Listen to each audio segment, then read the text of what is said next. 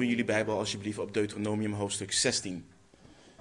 Zondags gaan we vers voor vers door Deuteronomium. En uh, vandaag uh, starten we in, uh, in hoofdstuk 16. Mocht je geen Bijbel bij je hebben, steek je hand op en we voorzien je van een leenbijbel. En als je helemaal geen Bijbel hebt, dan mag je die houden als gift van ons en van de Heer. Deuteronomium 16.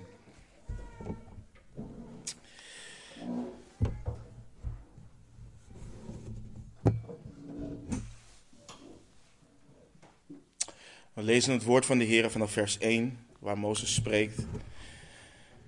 Neem de maand Abib in acht en hou het pascha voor de Heer, uw God. Want in de maand Abib heeft de Heer, uw God, uh, u in de nacht uit Egypte geleid. Dan moet u voor de Heer, uw God, het paaslam slachten.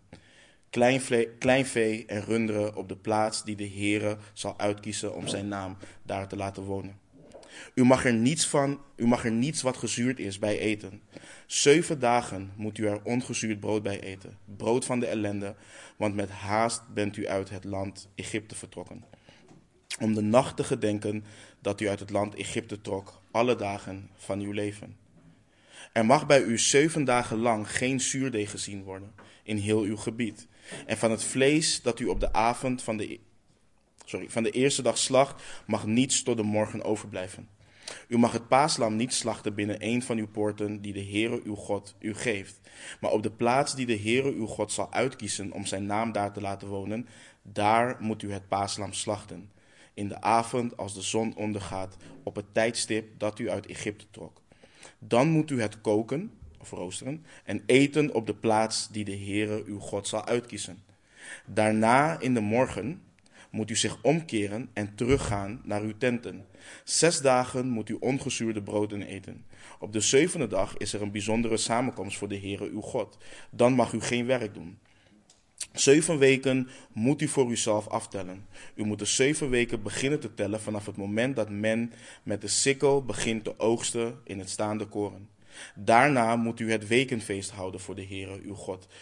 Wat u geven moet is een vrijwillige gave van uw hand, naar de mate waarin de Heere uw God u zegent. En u moet u verblijden voor het aangezicht van de Heere uw God, u, uw zoon en uw dochter, uw slaaf en uw slavin, de leviet die binnen uw poorten is, en de vreemdeling, de wees en de weduwe die in, die in uw midden zijn, op de plaats die de Heere uw God zal uitkiezen om zijn naam daar te laten wonen. En u moet gedenken dat u een slaaf geweest bent in Egypte en deze verordeningen in acht nemen en houden. Het loofhuttenfeest moet u zeven dagen houden als u de oogst van uw dorsvloer en van uw perskuip hebt ingezameld. Verblijd u op uw feest, u, uw zoon en uw dochter, uw slaaf en uw slavin en de leviet, de vreemdeling, de wees en de weduwe die binnen uw poorten zijn. Zeven dagen moet u het feest voor de Heere uw God. Zeven dagen moet u het feest vieren voor de Heere uw God, op de plaats die de Heere zal uitkiezen. Want de Heere uw God zal u zegenen in heel uw opbrengst en in al het werk van uw handen. Daarom moet u werkelijk blij zijn. Drie keer per jaar moet alles wat mannelijk is onder u verschijnen voor het aangezicht van de Heere uw God op de plaats die hij zal uitkiezen op het feest van de ongezuurde broden, op het wekenfeest en op het loofhuttenfeest. Men mag echter niet met lege handen voor het aangezicht van de Heere verschijnen, maar ieders geschenk moet overeenkomen met de zegen van de Heere, uw God, die hij u gegeven heeft. Laten we bidden. Vader, we komen voor uw troon en we vragen u, Heer, om wijsheid. Heer, want zonder u hebben we geen hoop om de tekst te begrijpen, laat staan toe te passen in ons eigen leven. Dus we bidden, Heer, dat u onze ogen opent, dat u ons vervult met uw geest en dat u ons verandert tot eer en glorie van uw heilige naam. We bidden en we vragen dat in de naam van onze Heer Jezus Christus. Amen. We bevinden ons bijna op de helft uh, van het boek Deuteronomium en we zien dat Mozes vanaf hoofdstuk 12 heel specifiek ingaat op het leven in het beloofde land. Hij heeft hen in de hoofdstukken daarvoor herinnerd aan hun verleden. Hij probeerde hen nederigheid bij te brengen en hun te doen beseffen dat ze alleen zouden kunnen genieten van God en zijn zegeningen in het beloofde land als zij hem zouden gehoorzamen. Als zij hem zouden liefhebben met heel hun hart, met heel hun ziel en met heel hun kracht. En veel van de geboden die we lezen in Deuteronomium zijn al gegeven natuurlijk in Exodus, in Leviticus en in Numeri. Het pasja waar we zo bij stil gaan staan, uh, lezen we voor het eerst over in Exodus 12. En daar wordt het ingesteld. En waar we rekening mee moeten houden is dat de omstandigheden waaronder dit feest, waaronder het pasja is ingesteld en op de manier waarop het gevierd moest worden in Exodus 12, anders is dan wat we hier lezen in Deuteronomium 16. Dus Mozes geeft dus niet zomaar een andere manier van het vieren van het feest, maar de omstandigheden zijn anders en daar moeten we gewoon heel goed op letten. In vers 1 lezen we dat Mozes spreekt over de maand, over de maand Abib. Dat, dat Israël die maand in acht moest houden. Nou, in Exodus 12 lezen we dat deze maand het begin van de maanden voor Israël zou zijn. Nou, wij lezen deze naam hier, maar deze naam is ook bekend als de maand Nisan. Nisan.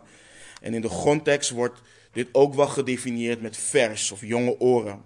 Het wordt ook wel gelinkt aan groene aren. Wat dus echt staat voor een nieuw begin. En volgens de Joodse kalender is dit dus de eerste maand. En voor ons valt dit rond, maart, begin, rond eind maart, begin april. Centraal staat het slachten van het Pascha. En hier wordt in het Oude Testament meerdere malen naar gerefereerd. We zien het nou, ik zei het al, in Exodus, in Leviticus 23. En we komen het tegen in nummer 9. En hier in Deuteronomium 16, maar ook in Joshua hoofdstuk 5 bijvoorbeeld. En in elk boek kom je het tegen of wordt het benaderd vanuit het thema van dat boek, wat daar op dat moment centraal staat. Maar Mozes zegt dus: neem deze maand in acht en houd het pasja voor de Heere uw God, want in deze maand heeft de Heere uw God u in de nacht uit Egypte geleid. Dus nogmaals, in Exodus lezen we voor het eerst hierover en we lezen daar hoe de Heere God Israël heeft verlost uit Egypte met de tiende plaag door al de eerstgeborenen in Egypte te doden. Nou, Israël moest een lammetje nemen zonder enig gebrek, een mannetje van een jaar oud. Dat lammetje moest vier dagen in hun huis zijn en tegen het vallen van de avond moest het lammetje geslacht worden. En zij moesten het bloed nemen van het lammetje en het aan de beide deurposten strijken en aan de bovendorpel van het huis. En de Heere God zou in die nacht door het land Egypte trekken en alle eerstgeborenen in Egypte treffen van de mensen tot het vee. En hij zou aan al de goden van de Egyptenaren strafgerichten voltrekken. En het bloed zou de Israëlieten tot een teken zijn aan de huizen waarin zij verbleven. En als de Heere God het bloed zag, dan zou hij voorbij gaan aan het huis. En er zou geen plaag onder hen zijn die verderf teweeg zou brengen. Voor de mensen die vroeger naar de zondagschool gingen, volgens mij kent bijna iedereen dit verslag wel. Maar we moeten goed kijken naar wat hier gebeurt. Allen dus die in geloof en in gehoorzaamheid aan de Heere God het bloed zouden toepassen, die zouden gespaard worden. Broeders en zusters, hoe profetisch was en is dit? Een lam zonder enig gebrek, een lam wat te midden van hun zou blijven en dat lam zou vervolgens geslacht worden. Een lam, een onschuldig lam, waarvan het bloed van het lam hen redden zou. Door geloof en gehoorzaamheid, door vertrouwen in wat de Heere God gezegd heeft. Zij die het bloed van het lam niet hadden toegepast, zij die geen geloof hadden, die hem niet gehoorzaam waren, daar vond oordeel plaats. En dit wees allemaal profetisch naar onze Heer Jezus Christus. Het was allemaal een voorschaduw van wat in onze Heer Jezus Christus daadwerkelijk in vervulling zou gaan. In 1 Korinthe 5, vers 7 lezen we dat Paulus schrijft dat ons paaslam voor ons is geslacht. Christus. Maar dit idee is niet bij de apostel Paulus begonnen. Het is niet Paulus die dit heeft verzonnen maar het schreef geleid door de geest van God. Want jaren daarvoor lezen we dat in het evangelie van Johannes Het volgende wordt gedocumenteerd in Johannes 1, vers 29. We lezen over Johannes de Doper. De volgende dag zag Johannes Jezus naar zich toe komen en hij zei: Zie het lam van God dat de zonde van de wereld wegneemt. De dag daarop lezen we in versen 35 en 36 hetzelfde in hetzelfde hoofdstuk. De volgende dag stond Johannes daar weer met twee van zijn discipelen. En toen hij Jezus zag lopen, zei hij: Zie het lam van God. De profeet Jesaja schreef ook over de Messias. In Jesaja 53, vers 7. Precies wat de Ethiopische man las in Handelingen 8. Lezen we. Toen betaling geëist werd, werd hij verdrukt, maar hij deed zijn mond niet open. Als een lam werd hij ter slachting geleid, als een schaap dat stom is voor zijn scheerders. Zo deed hij zijn mond niet open. Maar hoe verhoudt dit allemaal, of hoe houdt dit allemaal verhouding dan met het bloed wat we lezen in Exodus? Wat heeft dit met ons te maken? Want wij hebben geen bloed gesmeerd op onze deurposten en aan de bovendorpen van ons huis. En dan moeten we nadenken, broeders en zusters. We, kennen de versen, maar waarmee zijn we vrijgekocht? Niet met zilver en niet met goud. Want Petrus schrijft in 1 Petrus 1, versen 17 tot en met 19, daar schrijft hij. En als u hem als vader aanroept, die zonder aanzien des persoon naar ieders werk oordeelt, wandel dan in de vrezen des Heren gedurende de tijd van uw vreemdelingschap. In de wetenschap dat u niet met vergankelijke dingen, zilver of goud, vrijgekocht bent van uw zinloze levenswandel, die u door de vaderen overgeleverd is, maar met het kostbaar bloed van Christus als van een smetteloos en onbevlekt lam. Paulus zei tegen de leiders in Handelingen 20, vers, 8, vers 28, tegen de leiders van de gemeente in Efeze wanneer hij onderweg is naar Jeruzalem. Zie dan toe op uzelf en op heel de kudde, te midden waarvan de Heilige Geest u tot opzieners aangesteld heeft om de gemeente van God te wijden, die hij verkregen heeft door zijn eigen bloed. De auteur van de brief Hebreeën schrijft in Hebreeën 9, vers 12: Hij, Christus, is niet, door, is niet door bloed van bokken en kalveren, maar door zijn eigen bloed eens en voor altijd binnengegaan in het heiligdom en heeft daardoor een eeuwige verlossing teweeggebracht. Let op wat de apostel Johannes schrijft in, Johan, in Openbaring 1, vers 4 tot en met 6. Johannes krijgt de opdracht om te schrijven aan zeven gemeenten. En dan begint hij, Johannes, aan de zeven gemeenten die in Azië zijn. Genade zij u en vrede van hem die is en die was en die komt. En van de zeven geesten die voor zijn troon zijn. En van Jezus Christus die de getrouwe getuige is. De eerstgeborene uit de doden. En de vorst van de koningen der aarde. Hem die ons heeft liefgehad en ons van onze zonde gewassen heeft in zijn bloed en die ons gemaakt heeft tot koningen en priesters van God en zijn Vader. Hem zij de heerlijkheid en de kracht in alle eeuwigheid. Amen. En zo, broeders en zusters, kunnen we doorgaan. Maar we zien, het is onmiskenbaar, het is overduidelijk dat dit een voorschaduw is van onze Heer Jezus Christus. De Heer Jezus Christus zei tegen de Fariseeën dat de schrift van hem getuigt. En dat is wat we hier onder andere zien. De Zoon van God, het Lam van God, heeft onder ons gewoond, onder ons getabernakeld, smetteloos, heilig, zonder enig gebrek. En hij is overeenkomstig het vastgestelde raadsbesluit en de voorkennis van God overgegeven om geslacht te worden voor ons. En allen, allen die in hem geloven, gaan niet verloren, maar zullen eeuwig leven hebben. Ze zullen behouden worden door het lam van God, waarvan zijn bloed op Golgotha zo'n 2000 jaar geleden heeft gevloeid. Wat een verlossing. Want net als Israël slaaf was, gevangen was, weggeleid moest worden, bevrijd moest worden van de slavernij, de gevangenschap, leven als mensen, leven alle mensen als slaven. En niet als slaven in Egypte, maar als slaven van de zonde. Gevangen om de wil te doen van de Satan, de wereld en hun eigen vlees. En men heeft geen enkele hoop. Anders dan het bloed van het lam van God. Geen enkele hoop. Want Hebreeën 9, vers 27 leert ons dat het voor mensen beschikt is dat zij eenmaal moeten sterven. En dat daarna het oordeel volgt. En wat is dan jouw hoop? Wat is dan jouw hoop?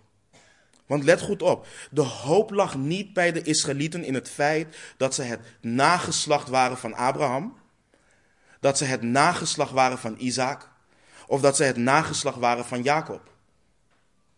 Daar lag hun hoop niet in. Hun hoop lag in het bloed van het lam. Want dat is waar God naar zou kijken.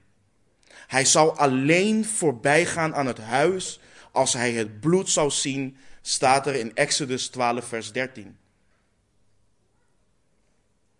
Het maakte niet uit dat ze besneden waren. Als je dat bloed niet had op het huis, dan zou hij niet voorbij gaan aan dat huis. En nu is mijn vraag aan een ieder van ons. Wat is jouw hoop?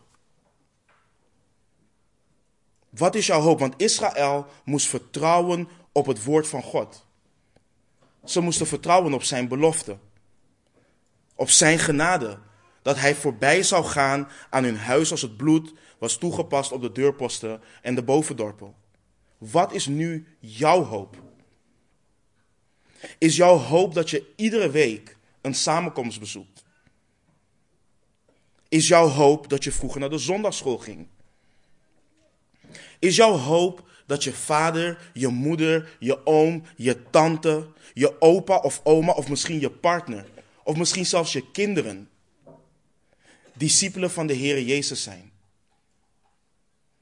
Is jouw hoop dat je een goed mens bent?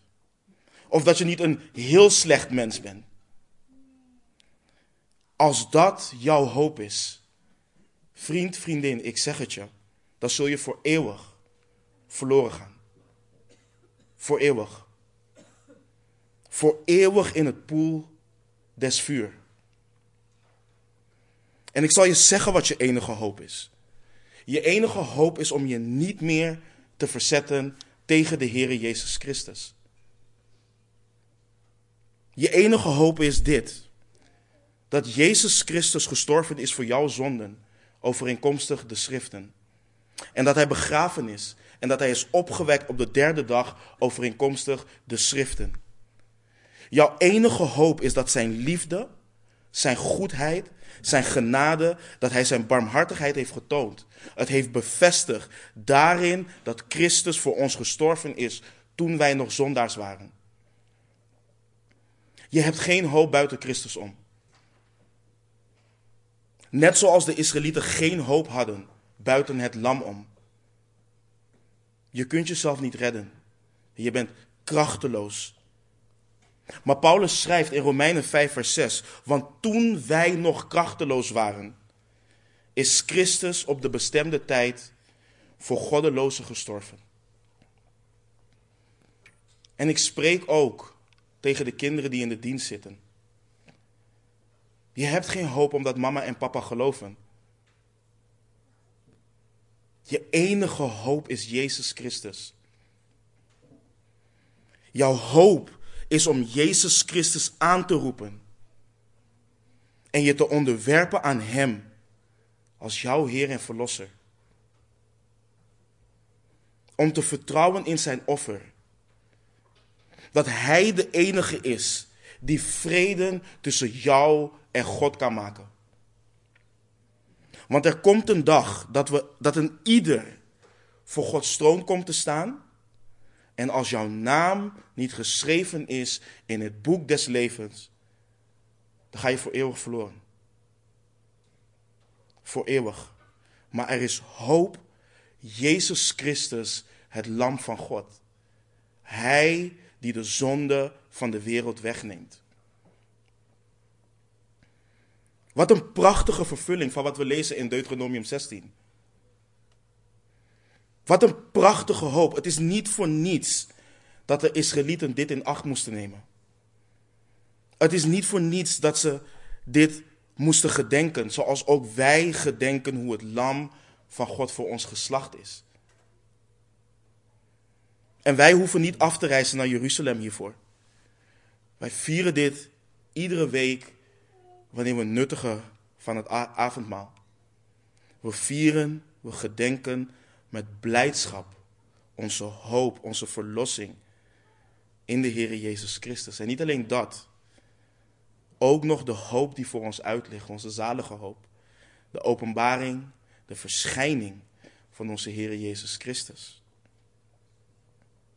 En we lezen dat Israël niets gezuurd mocht eten bij het geslachte lam. Lees in vers 3, u mag er niets wat gezuurd is bij eten. Zeven dagen moet u er ongezuurd brood bij eten. Brood van de ellende. Want met haast bent u uit het land Egypte vertrokken. Om de dag te gedenken dat u uit het land Egypte trok. Alle dagen van uw leven. Er mag bij u zeven dagen lang geen zuurdeeg gezien worden in heel uw gebied. En van het vlees dat u op de avond van de eerste dag slacht, mag niets tot de morgen overblijven. Volgend op het Pascha was het feest van de ongezuurde broden. Dit ongezuurde brood zou hen herinneren aan hun ellende in Egypte, maar ook de haast waarmee ze vertrokken uit Egypte. En ze moesten dit alle dagen van hun leven gedenken. En vanaf de dag, vanaf vandaag de dag, wordt dit alles nog steeds gevierd door de Joden, omdat ze niet inzien dat Christus de Messias is die alles vervuld heeft. En door de verwoesting van de tempel in 70 na Christus wordt dit vaak of in de synagogen of in de huizen gevierd. Maar we lezen al het zuurdeeg moest weggedaan worden. Ze mochten niets wat gezuurd is eten. Het huis moest volledig gereinigd worden hiervan. En zoals het Israël moest blijven herinneren aan hun bevrijding uit Egypte, is het een type beeld wat ons ook moet blijven herinneren aan de, uh, aan de verlossing van onze ellende. Wij dienen ons te zuiveren, te reinigen van zonde en onreinheid. Wij dienen ons te bekleden met heiligheid, puurheid, de gerechtigheid van onze Heer Jezus Christus. En niet slechts zeven dagen, maar juist wat het vertegenwoordigt, in volmaaktheid, in volledigheid. Wij zijn de rust van onze Heer Jezus Christus ingegaan. We zijn vrije mensen, vrijgemaakt door de Zoon van God. De Heer Jezus zei in Johannes 8, vers 36, als dan de Zoon u vrijgemaakt heeft, zult u werkelijk vrij zijn. Belangrijk om te weten is dat zuurdeeg in de Bijbel bijna altijd een beeld van zonde, onreinheid, imperfectie is. De Heer Jezus waarschuwt in Matthäus 16, in Marcus 8 en in Lucas 12 ook voor het zuurdeeg van de Fariseeën, van de Sadduceeën en van Herodes. Hij refereert daar onder andere naar hun huigelarij. En wij dienen hier echt acht op te slaan. Want wij dienen vrij van deze dingen te zijn. Vrij van zonde, vrij van huigelarij. Zullen we hier op aarde zonderloze perfectie bereiken? Nee. Maar net zoals de Israëlieten er alles aan moesten doen dat hun deeg ongezuurd zou zijn, moeten ook wij dat doen. Want als je ongezuurd deeg wilt en er komt toch zuurdesem in, er komt toch wat gist in. En als je echt ongezuurd brood wilde, dan kun je dat deeg weggooien. Want het zal het hele deeg doorzuren. En zo dienen wij radicaal, radicaal het zuurdeeg uit ons leven te verwijderen. Het voorbeeld in Korinthe is een belangrijk voorbeeld. In 1 Korinthe 5, we hebben hier vaker naar verwezen, lezen we, hoe over, uh, lezen we over hoe de gemeente daar roemt. Ze roemen daar in hun gaven, hun geestelijkheid en noem maar op. Maar onder hen is er iemand die zich schuldig maakt aan hoererij. En ze doen zich zo gewichtig voor. En hij schrijft dan dat hun roem niet goed is. En in 1 Korinthe 5, vanaf vers 6 lezen we dus: Uw roem is niet goed. Weet u niet dat een klein beetje zuurdeeg het hele deeg doorzuurt? Verwijder dan het oude zuurdeeg, opdat u een nieuw deeg zult zijn. U bent immers ongezuurd, want ook ons paaslam is voor ons geslacht Christus.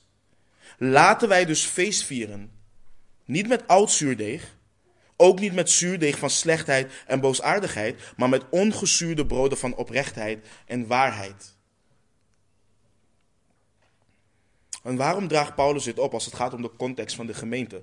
Het is toch de zonde van die ene man. Zolang wij heilig blijven wandelen, is er toch niets aan de hand. We hoeven toch niet te oordelen.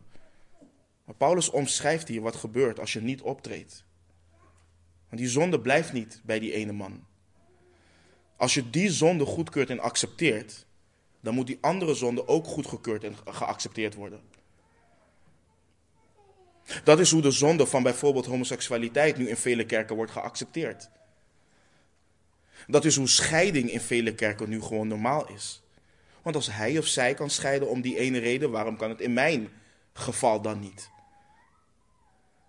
Dat is waarom er zoveel mensen verteerd worden door lust in gemeenten. Omdat één of meerdere opzieners ze schuldig maken aan overspel. Kijken naar zaken waar ze niet naar horen te kijken. Omdat ze er niet tegen prediken. En waarom prediken ze er niet tegen? Omdat ze zelf in die zonde leven. En hoe kunnen ze daartegen prediken als ze het zelf doen? Geroddel, valse leer, afgunst, veelvraat of vraatzucht, een van de zonden waar nooit over gesproken wordt. En ga zo maar door. We dienen een heilig leven te leiden. En daarom schrijft Petrus in 1 Petrus 1, vers 15 en 16. Maar zoals hij die u geroepen heeft, heilig is, wordt zo ook zelf heilig in heel uw levenswandel. Want er staat geschreven, wees heilig, want ik ben heilig. We dienen niet in zonde te leven. We dienen als apart gezette mensen te leven. De goddeloosheid en de wereldse begeerte te verloochenen en in deze tegenwoordige wereld bezonnen, rechtvaardig en godvruchtig te leven. Zoals Paulus schrijft aan Titus, terwijl wij verwachten de zalige hoop en verschijning van de heerlijkheid van de grote God in onze zaligmaker, Jezus Christus. Wij die in Christus zijn, dienen onze oude natuur uit te doen. Ons oude leven, wat vol zuurdeeg was, één en al zuurdeeg was.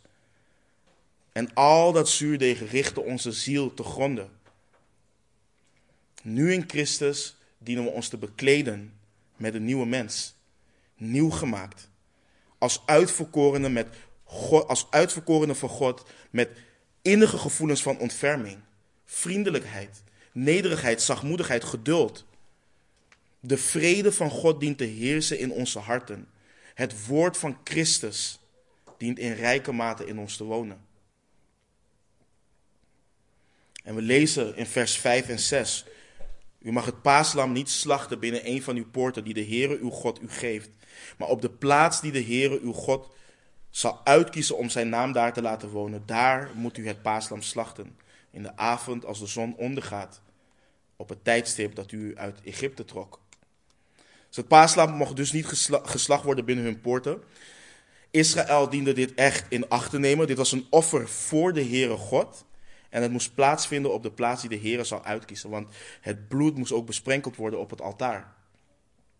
Wat bijzonder is, is dat in het Oude Testament de offers in het heilige geofferd moesten worden. Dus bijna alles werd volgens de wet door het bloed gereinigd. Jeruzalem was een heilige plaats voor de Joden. Dus toen zij de Heere Jezus buiten de, poort bracht, buiten de poorten brachten, dachten de Joden dat ze de heilige stad reinigden van godslastering en onreinheid. Onwetend dat de Heere Jezus buiten de poorten zou gaan om hun onreinheid op zichzelf te nemen en de toorn van God daar over zich heen zou krijgen. In Hebreeën 13, vers 11 en 12 lezen we: Want van de dieren waarvan het bloed als verzoening voor de zonde door de hoge priester het heiligdom werd binnengedragen, werden de lichamen buiten de legerplaats verbrand. Daarom heeft ook Jezus, om door zijn eigen bloed het volk te heiligen, buiten de poort geleden. De Heere Jezus is geslacht op het tijdstip en op de plaats die de Heere God heeft gekozen voor de verlossing van jou en mij. En met de dood van de eerstgeborene uit de doden. En het is belangrijk om vers 7 in context, dus in relatie tot de rest te lezen. Het kan hier lijken alsof na het Pascha de Israëlieten al naar hun tenten zijn gekeerd, maar dat is niet zo. Het feest van de ongezuurde broden hoort hier allemaal bij. Pas daarna is het feest afgelopen. Pas na de bijzondere samenkomst, wat we lezen in vers 8. En we lezen dat bijvoorbeeld ook in Kronieken. In 2 Kronieken 35 vers 17. De Israëlieten die zich daar bevonden hielden het pascha op dezelfde tijd. En het feest van de ongezuurde broden zeven dagen lang.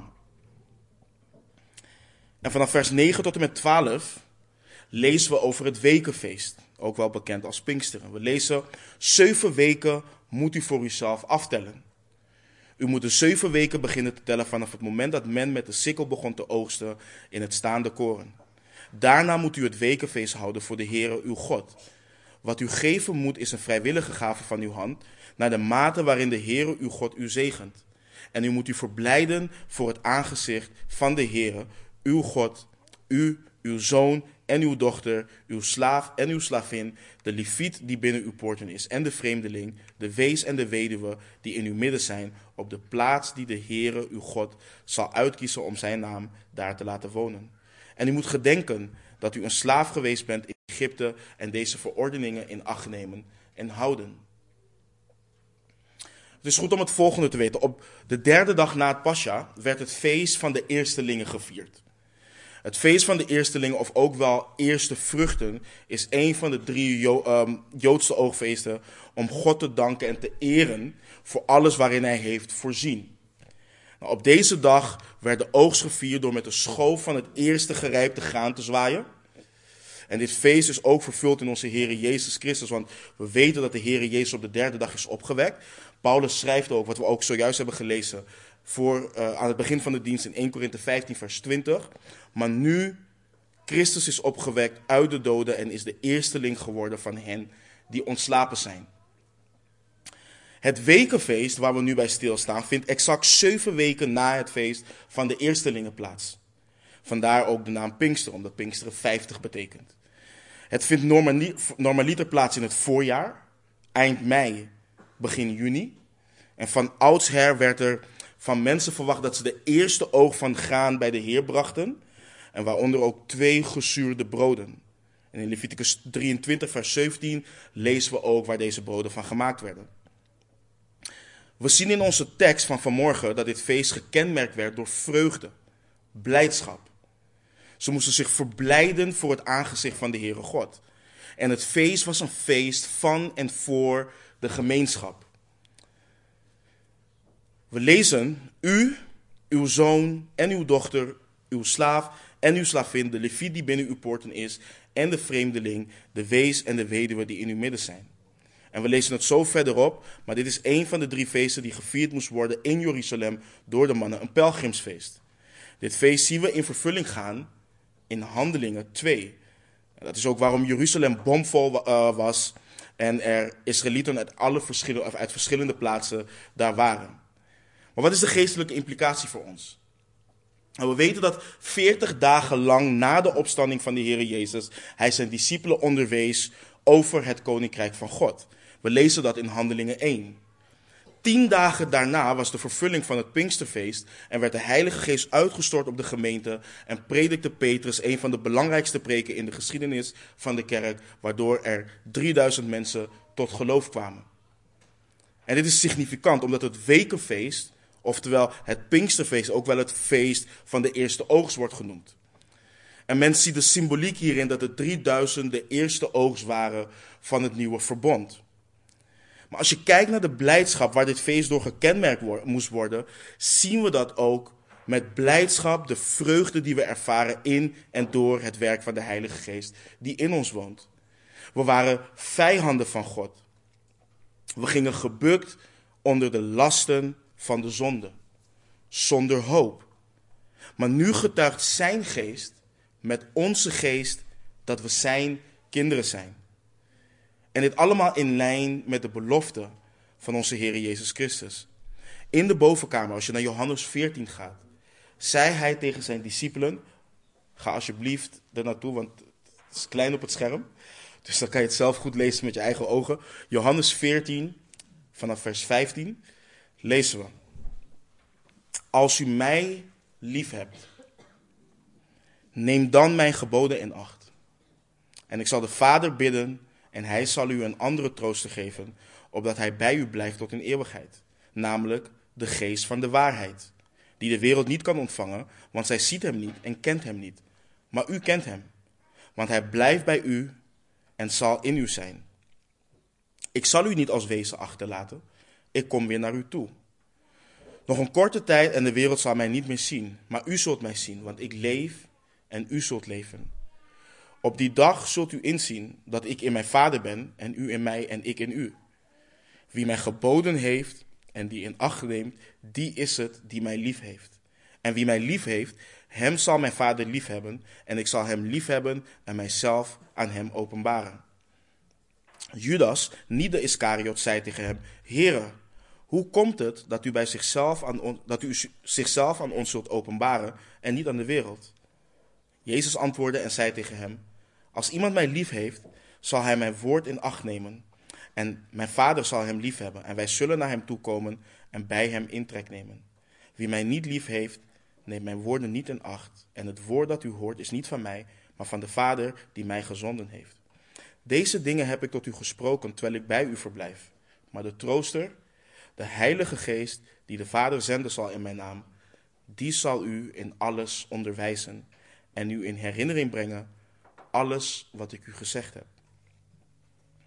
We zien hier dus de belofte van de Geest, de trooster, hij die met Pinksteren gegeven is.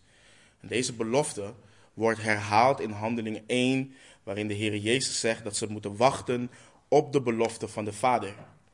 Maar deze belofte is niet zomaar een belofte van Johannes 14 en Handelingen 1. Het is niet een belofte wat haar oorsprong heeft in het Nieuwe Testament. Want wanneer de Heilige Geest is uitgestort in Handelingen 2 en de discipelen worden beschuldigd van dronkenschap, dan lezen we dat Petrus uitlegt wat er precies gebeurt. In Handelingen 2, vanaf vers 16, lezen we het volgende. Petrus spreekt en zegt: Maar dit is wat gesproken is door de profeet Joël. En het zal zijn in de laatste dagen, zegt God, dat ik zal uitstorten van mijn geest op alle vlees. En uw zonen en uw dochters zullen profiteren. Uw jonge mannen zullen visioenen zien en uw ouderen zullen dromen dromen. En ook op mijn dienaren en op mijn dienaressen zal ik in die dagen van mijn geest uitstorten en zij zullen profiteren. En ik zal wonderen geven in de hemel boven en tekenen op de aarde beneden. Bloed, vuur en rookwalm. De zon zal, zal veranderd worden in duisternis en de maan in bloed, voordat de grote en ontzagwekkende dag van de Heere komt. En het zal zo zijn dat ieder die de naam van de Heere zal aanroepen, zalig zal worden. Dus met het Pinksterfeest uiten de Joden hun dankbaarheid aan de Heere God voor zijn, uh, voor zijn voorziening, voor zijn belofte. En wij danken de Heere God ook voor de vervulling, vervulling van zijn belofte. En de oogst is gaande, want iedere dag worden er nog mensen toegevoegd aan het lichaam van Christus. En op een dag zal de oogst volledig zijn binnengehaald. En gaan we de eeuwige rust in, in de tegenwoordigheid van onze zaligmaker. Wat een vreugde, wat een hoop, wat een blijdschap hoort dit te brengen. Want we mogen God danken, we moeten God danken voor al zijn beloften. Want hij houdt zijn woord en is trouw, zoals we ook onder andere in dit feest weer zien. Wat interessant ook om te weten is dat veel Bijbelcommentatoren een geestelijke betekenis zien in de twee gezuurde broden die voor de Heren ehm, werden gebracht. En dat is dat de broden symbool staan voor Jood en Heiden die voor de Heren worden gebracht door het verlossende werk van onze Heer Jezus Christus. En het laat zien, volgens hen, dat er nog zonde in de kerk is, ook al zijn we verlost, maar dat op een dag de kerk volledig vrij zal zijn van zonde wanneer we de eeuwige rust ingaan met een verheerlijk lichaam en al het kwaad wordt weggedaan. En dan lezen we over het volgende feest vanaf vers 13, het Loofhuttenfeest. Lezen we daar. Het Loofhuttenfeest moet u zeven dagen houden. Als u de oogst van uw dorsvloer en van uw perskuip hebt ingezameld. Verblijd u op uw feest, u, uw zoon en uw dochter, uw slaaf en uw slavin, en de leviet, de vreemdeling, de wees en de weduwe die binnen uw poorten zijn. Zeven dagen moet u het feest vieren voor de Heere, uw God, op de plaats die de Heere zal uitkiezen, want de Heere, uw God, zal u zegenen in heel uw opbrengst en in al het werk van uw handen. Daarom moet u werkelijk blij zijn. Dus ook dit feest werd weer gekenmerkt door blijdschap. En ook dit feest was verbonden aan de oogst. Het Loofhuttenfeest werd gevierd in de zevende maand volgens de Joodse kalender. In Leviticus uh, 23, vers 35 tot met 39 lezen we inhoudelijk over dit feest. Het was een week van feest, nogmaals, en blijdschap. En door dit feest vertelde God hen dat zij een volk behoorden te zijn dat, de waar, dat waarde hecht aan een nationale samenkomst en vreugde. Het laat zien dat God een God is die vrijgevig, vrijgevig is en overvloedig heeft gegeven en geschapen. Als we inzoomen op het feest, zien we drie belangrijke manieren waarop het feest gevierd moest worden. Ze moesten rusten. Dat lezen we in Leviticus 23, vers 39. Ze moesten zich ook verheugen en allemaal groen, allemaal planten verzamelen, lezen we in Leviticus 23, vers 40. En ze mochten ook pas het feest houden als de oogst van hun dorsvloer en van hun perskuip was ingezameld. En we zien ook dat iedereen in het land bij dit feest en deze samenkomst moest worden betrokken. Het moest met iedereen gevierd worden binnen de poorten van het land. En de Israëlieten dienden te wonen in loofhutten gedurende deze periode. Ik heb er een foto van volgens mij. Ja, dat dat is hoe er eentje uitzag. Ik denk misschien niet zoals precies zo. Maar dit waren tijdelijke schaalplaatsen als het ware. En in Leviticus 23 lezen we waarom. In Leviticus 23, versen 42 en 43 staat er: Zeven dagen moet u in de loofhutten wonen. Alle ingezetenen van Israël moeten in loofhutten wonen, zodat de generaties na u weten dat ik de Israëlieten in loofhutten liet wonen toen ik hen uit het land Egypte geleid heb. Ik ben de Heere, uw God. Het was dus om de generaties na hen ook te onderwijzen. Opdat zij mochten leren van wat God had gedaan. Want dit feest draaide niet om mensen, maar wees naar de Heere God. Hij leidde hen uit Egypte en gaf hen een feest. Dit is om hen te laten weten wie God is en wat hij heeft gedaan. En hij bracht ze uit Egypte, maar bracht ze niet meteen in het beloofde land. Het feest diende om hen te vertellen over een tijd waarin hij hen redde en hij hen ook deed dwalen. En op een vergelijkbare manier heeft God ons van iets, van, van iets naar iets gered. Maar hij heeft nog niet volledig gegeven of gepresenteerd waartoe hij ons heeft gered. We weten dat de Heer Jezus stierf om ons met de Heere God te verzoenen. We weten wat onze zekere hoop is. We weten dat we een eeuwigheid met Hem zullen doorbrengen in Zijn koninkrijk. En we zijn al burgers van Zijn koninkrijk, maar Zijn koninkrijk is nog niet volledig geopenbaard. We zijn nog steeds in deze gevallen wereld. Maar we zijn niet doelloos hier. We dienen te leven als burgers van Gods koninkrijk in de belofte en in het licht van wat nog komen gaat. En de Israëlieten dienden uit te kijken naar het beloofde land. Levend in de tegenwoordigheid dienden ze uit te kijken naar wat komen zou. De vraag is ook, is dat ook hoe wij vandaag de dag leven? Leven wij ook met de verwachting naar onze vereniging met de Heere Jezus Christus? Sommigen, velen van ons, leven alsof we hier ons beste leven moeten leiden. Alsof we hier alle zegeningen dienen te ontvangen. Alsof hier op aarde alles is. En ja, ons werk, ons huis, belangrijk gegeven door de Heer. Het zijn zegeningen van Hem. En ja, het kan zijn dat je bepaalde ambities, dromen hebt, dingen die je wilt doen. Maar is dit werkelijk waar we voor leven? Weet je, sommigen van ons hebben gebroken dromen, liefdesverdriet, eenzaamheid. We lijden. En God ziet al die dingen. En Hij weet wat we nodig hebben. Maar het draait niet om die dingen. We zoeken en we moeten zoeken wat boven is. Jagen naar wat voor ons ligt. En niet proberen een zo comfortabel mogelijk leven als discipel van de Heer Jezus hier op aarde te leven.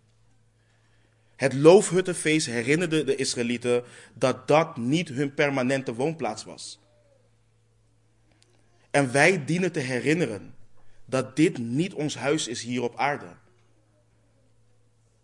Wij kijken uit naar het moment dat God alle dingen nieuw zal maken. En we dienen te streven naar dingen die eeuwigheidswaarde hebben. We dienen, we dienen niet te leven alsof ons loofhut ons paleis is, want dat is het niet. Die dingen zullen vergaan. Die dingen zullen vergaan. Dus we moeten onszelf afvragen met wat voor verwachting leven we hier op aarde. En als we ook kijken naar de blijdschap, worden wij gekenmerkt door blijdschap? Leven we met vreugde, in vreugde? Of gaan we continu gebroken door het leven? Gebukt onder de lasten van de zonde. Door ons vlees. Ja, het vlees begeert tegen de geest in. Ja. Maar broeders en zusters, we hebben de geest in ons. Die begeert tegen het vlees in. En als we de dingen van God zoeken, dan kunnen we ons vlees overwinnen. Dus hebben we die blijdschap. Een ander ding om belangrijk, wat belangrijk is om bij stil te staan wat betreft het loofhuttenfeest, is wat we lezen in Johannes 7. Want tijdens het loofhuttenfeest, ook, tijdens het loofhuttenfeest dankte ze God ook voor de regen. Want zonder de regen zou er immers geen oog zijn. En wie geeft de regen anders dan God? Dus laat ze lachen, want wij, uh, wij kleden ons in de ochtend en, en onze dochter die, die, die heeft ons geconfronteerd met ons ongeloof. Zei, nee, vandaag wordt, het, uh, vandaag wordt het niet lekker weer, dus gewoon even dik aankleden en, uh, en goed naar school gaan. Zeg, pap, jullie kijken op jullie telefoon, maar God bepaalt het weer. En uiteindelijk bleek het ook lekker weer te, te, te worden en had mijn iPhone helemaal ongelijk. Dus, maar God geeft regen. Hij is degene die dat bepaalt. Dus zonder hem is er geen oogst. Maar tijdens het feest was er een ceremonie van het gieten van water wat werd gedragen in een gouden kruik. Dit water werd dan gegoten over het altaar om iedereen te herinneren aan hoe de Heere op wonderbaarlijke wijze had voorzien van water bijvoorbeeld tijdens het ronddwalen in de woestijn. En wanneer dit gebeurde, citeerden ze Jesaja 12 vers 3. U zult met vreugde water scheppen uit de bronnen van het heil. Nu is het belangrijk om dit te weten. We vinden dit niet in het Oude Testament. We lezen niet dat God dit opdraagt om te doen. Maar in de boeken van de Joodse geschiedenis en traditie lezen we dat ze dit deden. Zeven dagen lang. En de geschiedenis leert dat de achtste dag de priester weer water ging halen. Maar voordat ze het water zouden gieten over het altaar, liepen ze zeven rondjes om het, om het altaar. En dit stond symbool voor hoe ze zeven dagen om de muren van Jericho marcheerden, waarover we in Joshua kunnen lezen. Nogmaals, God heeft dit niet opgedragen, maar ze deden dit. En wanneer de priester dan zou opstaan om weer het water over het altaar te gieten, was er totale stilte. Totale stilte. En dan moet je je voorstellen dat, ze dan, dat iedereen in stilte wacht om te zodat ze Jesaja 12, vers 3 weer kunnen citeren. En dan hoor je opeens iemand zeggen: Als iemand dorst heeft, laat hij tot mij komen en drinken. Wie in mij gelooft, zoals de schrift zegt, stromen van levend water zullen uit zijn binnenste vloeien. Dat is wat gebeurde op het Loofhuttenfeest. Dat is wat we gelezen in Johannes 7, versen 37 en 38. En de grondtekst spreekt van het roepen met luide stem, uitschreeuwen als iemand dorst heeft. Laat hij tot mij komen. En het feest wijst naar de ultieme verfrissing en verlossing, wat nooit zal ophouden. Nooit meer dorst. En het laat ons zien hoe we nu in onze loofhutten dienen te verblijven en als burgers van het koninkrijk nu op aarde dienen te wandelen, vervuld met de geest van God. Want dat is waarover de Heer Jezus sprak. Alleen in en door de kracht van de Heilige Geest. Alleen met het levende water wat de Heer Jezus Christus geeft, kunnen we met elkaar intens in blijdschap genieten van de goedheid van God en van de fellowship in de wildernis waarin we nu leven. Heb je die blijdschap? Heb je dat levend water? En we sluiten af met wat we lezen in versen 16 en 17.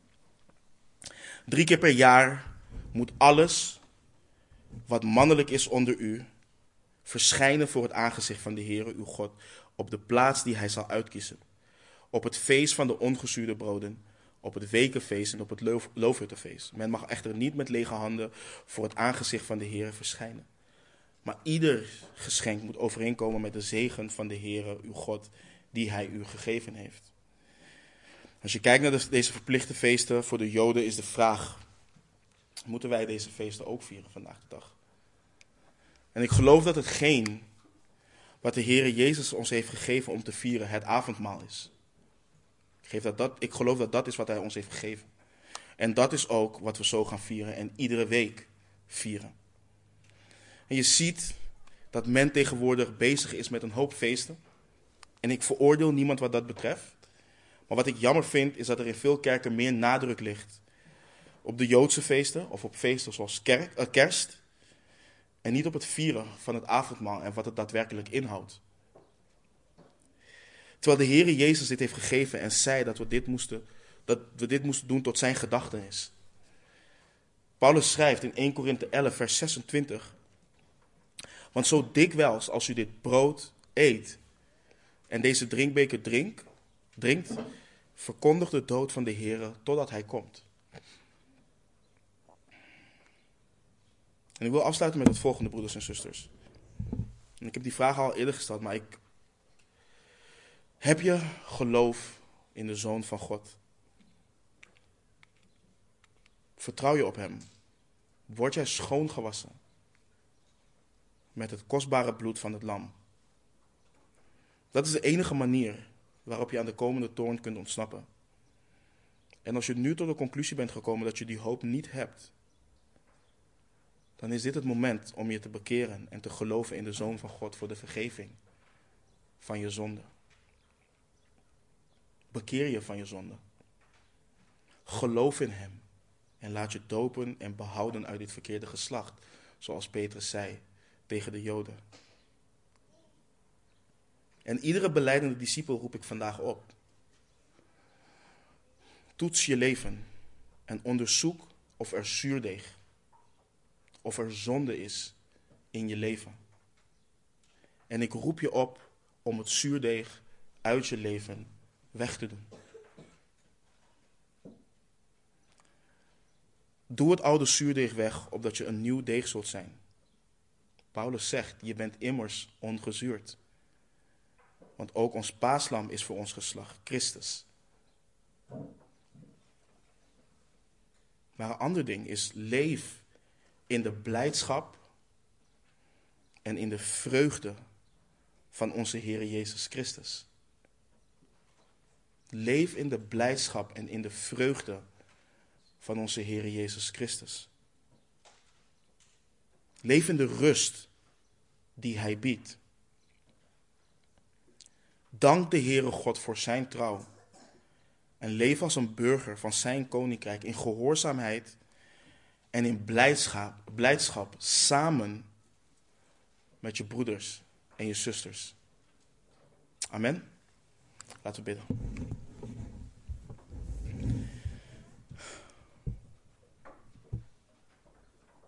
Heer, u kent onze harten, Heer.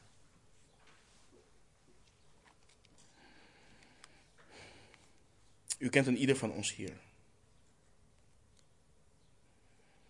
En ik ben u dankbaar dat u uzelf ook hebt geopenbaard, omdat wij u mogen kennen, Heer. En wat een blijdschap is dat, Heer. Wat een blijdschap brengt dat, wat een vreugde en een hoop brengt dat. En ik bid voor mijn broeders en voor mijn zusters, Heer. Dat we in de blijdschap van onze Heer Jezus Christus mogen leven.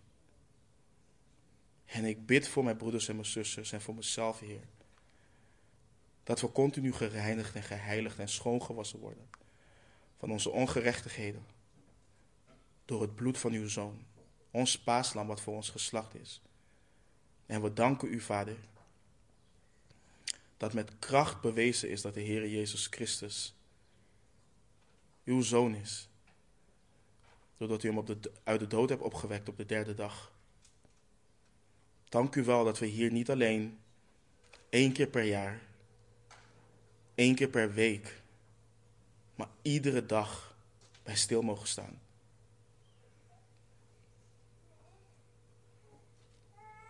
Ik smeek u, Heer. Doe de vreugde, de blijdschap en de vrede en de liefde vermeerderen in ons leven. En laat het zo zijn dat we feest mogen vieren in blijdschap. Omwille van u, Heer. In de naam van onze Heer Jezus Christus bidden we. Amen.